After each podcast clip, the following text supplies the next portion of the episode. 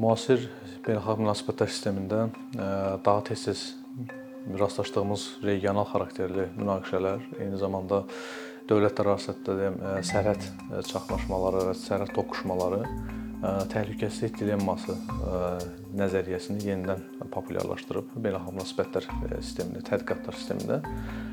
Bununla bağlı beynəlxalq münasibətlər sistemində təhlükəsizlik dilemması nəzəriyyəsi daha çox soyuq müharibə dövründən qısa bir müddət sonra, hətta soyuq müharibə dövründə daha daha çox işlənən, daha çox tədqiq edilən bir sahədə bir nəzəriyyədir.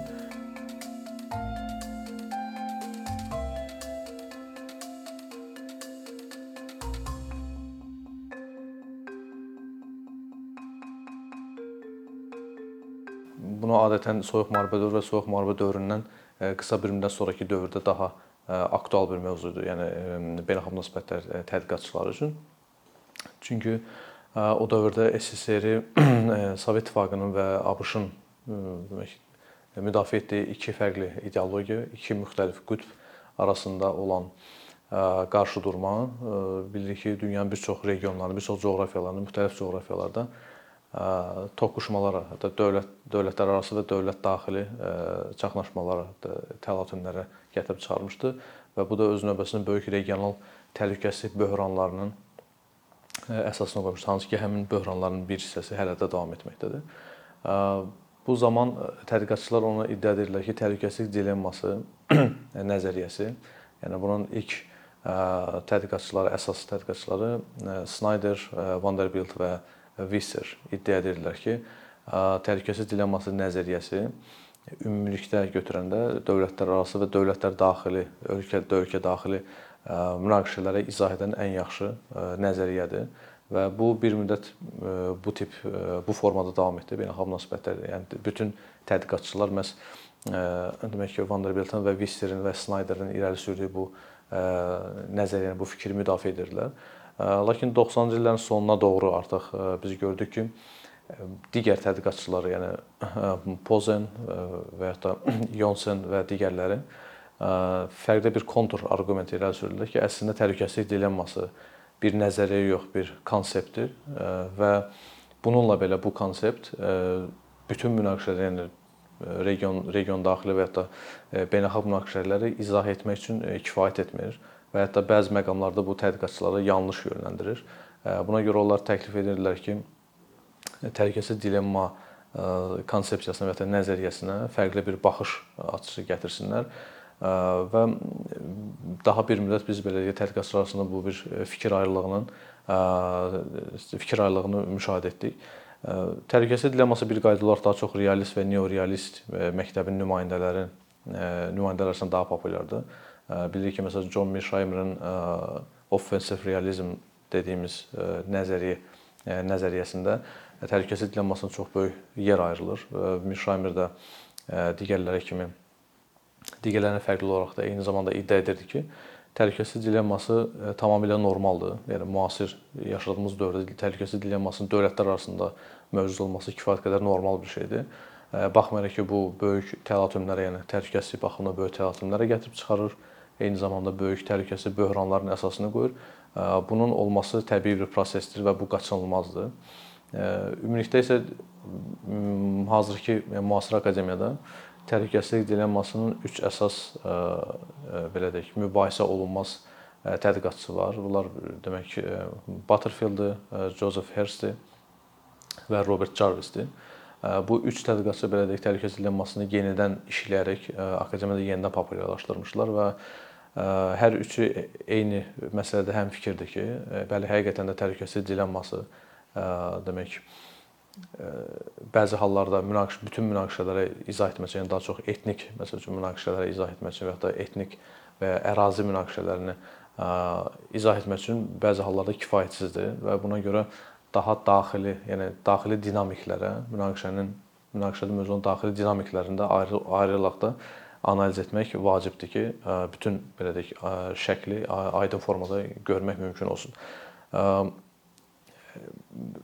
Eyni zamanda Jarvis və digərləri və Butterfield belə də qənaətdədirlər ki, təhlükəsizlik dilemması o halda mövcuddur ki, kiçik və ya yəni regional aktorlar, kiçik və ya biraz daha aparıcı regional aktorlar düşünürlər ki, onların sərhədləri bildiyimiz kimi konkret bir təhlükə və ya da potensial bir təhlükə altındadır və bu istərsəməz həmin dövlətlərdə militarizasiya, yəni hərbiləşdir həmin cəmiyyətlərin və dövlətlərin sürətli hərbiləşdirilməsinə səbəb olur.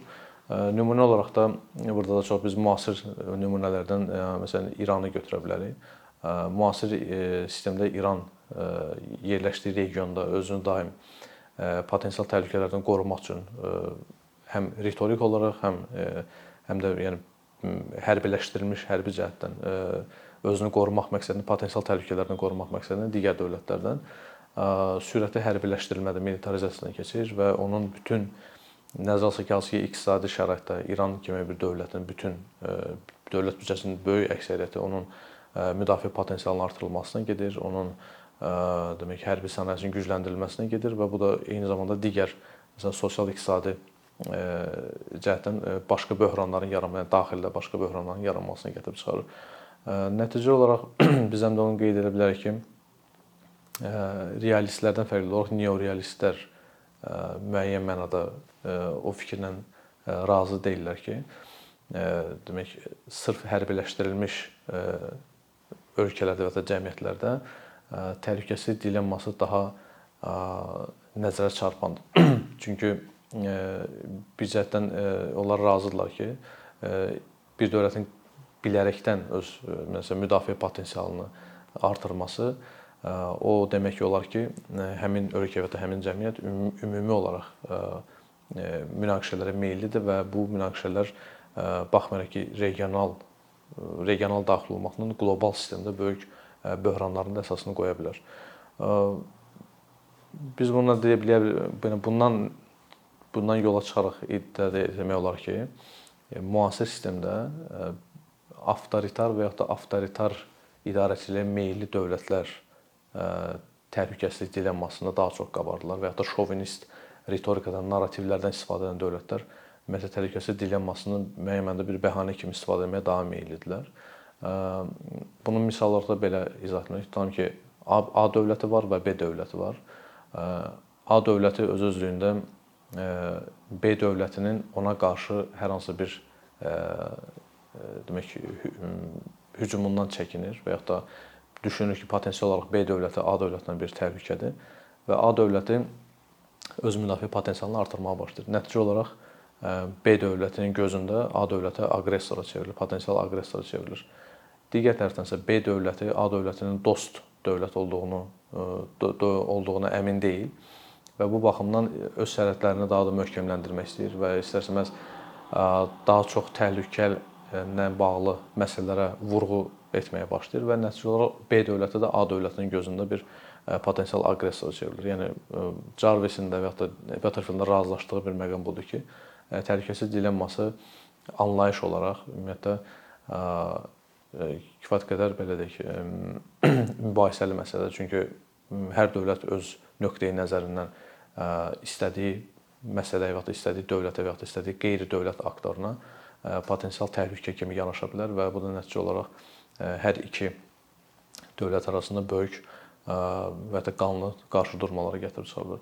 Liberallar və neoliberallar isə tamamilə başqa bir fikirdədirlər. Onlar ümumiyyətlə liberal, neoliberal məktəbdə, məktəb nümayəndələrində belə bir yanaşma var ki, dövlətlər istəmədən təhlükəsizlik dilemmasını anlayışının qurbanı olurlar və bu da öz-özlüyündə həmin dövlətlər arasında demək qarşıdurmalara, çaxnaşmalara gətirib çıxarır və neoliberallar əsasən inanırlar ki, təhlükəsizlik dilemmasının aradan qaldırılmasının yeganə yolu həmin dövlətlər və ya iki və ya da bir neçə dövlətin beynəlxalq institutlar və beynəlxalq təşkilatlar vasitəsilə təhlükəsizlik dilemması dilemmasını müzakirə edib onun demək əsas problemli mənbələrini aradan qaldırmaqdır. Yəni bu ən ideal variant budur. Təbii ki, biz bunu müasir beynəlxalq münasibətlər sistemində çox nadir halda görə bilərik. Çünki hazırda bildiğiniz kimi dövlətlər arasında əsasən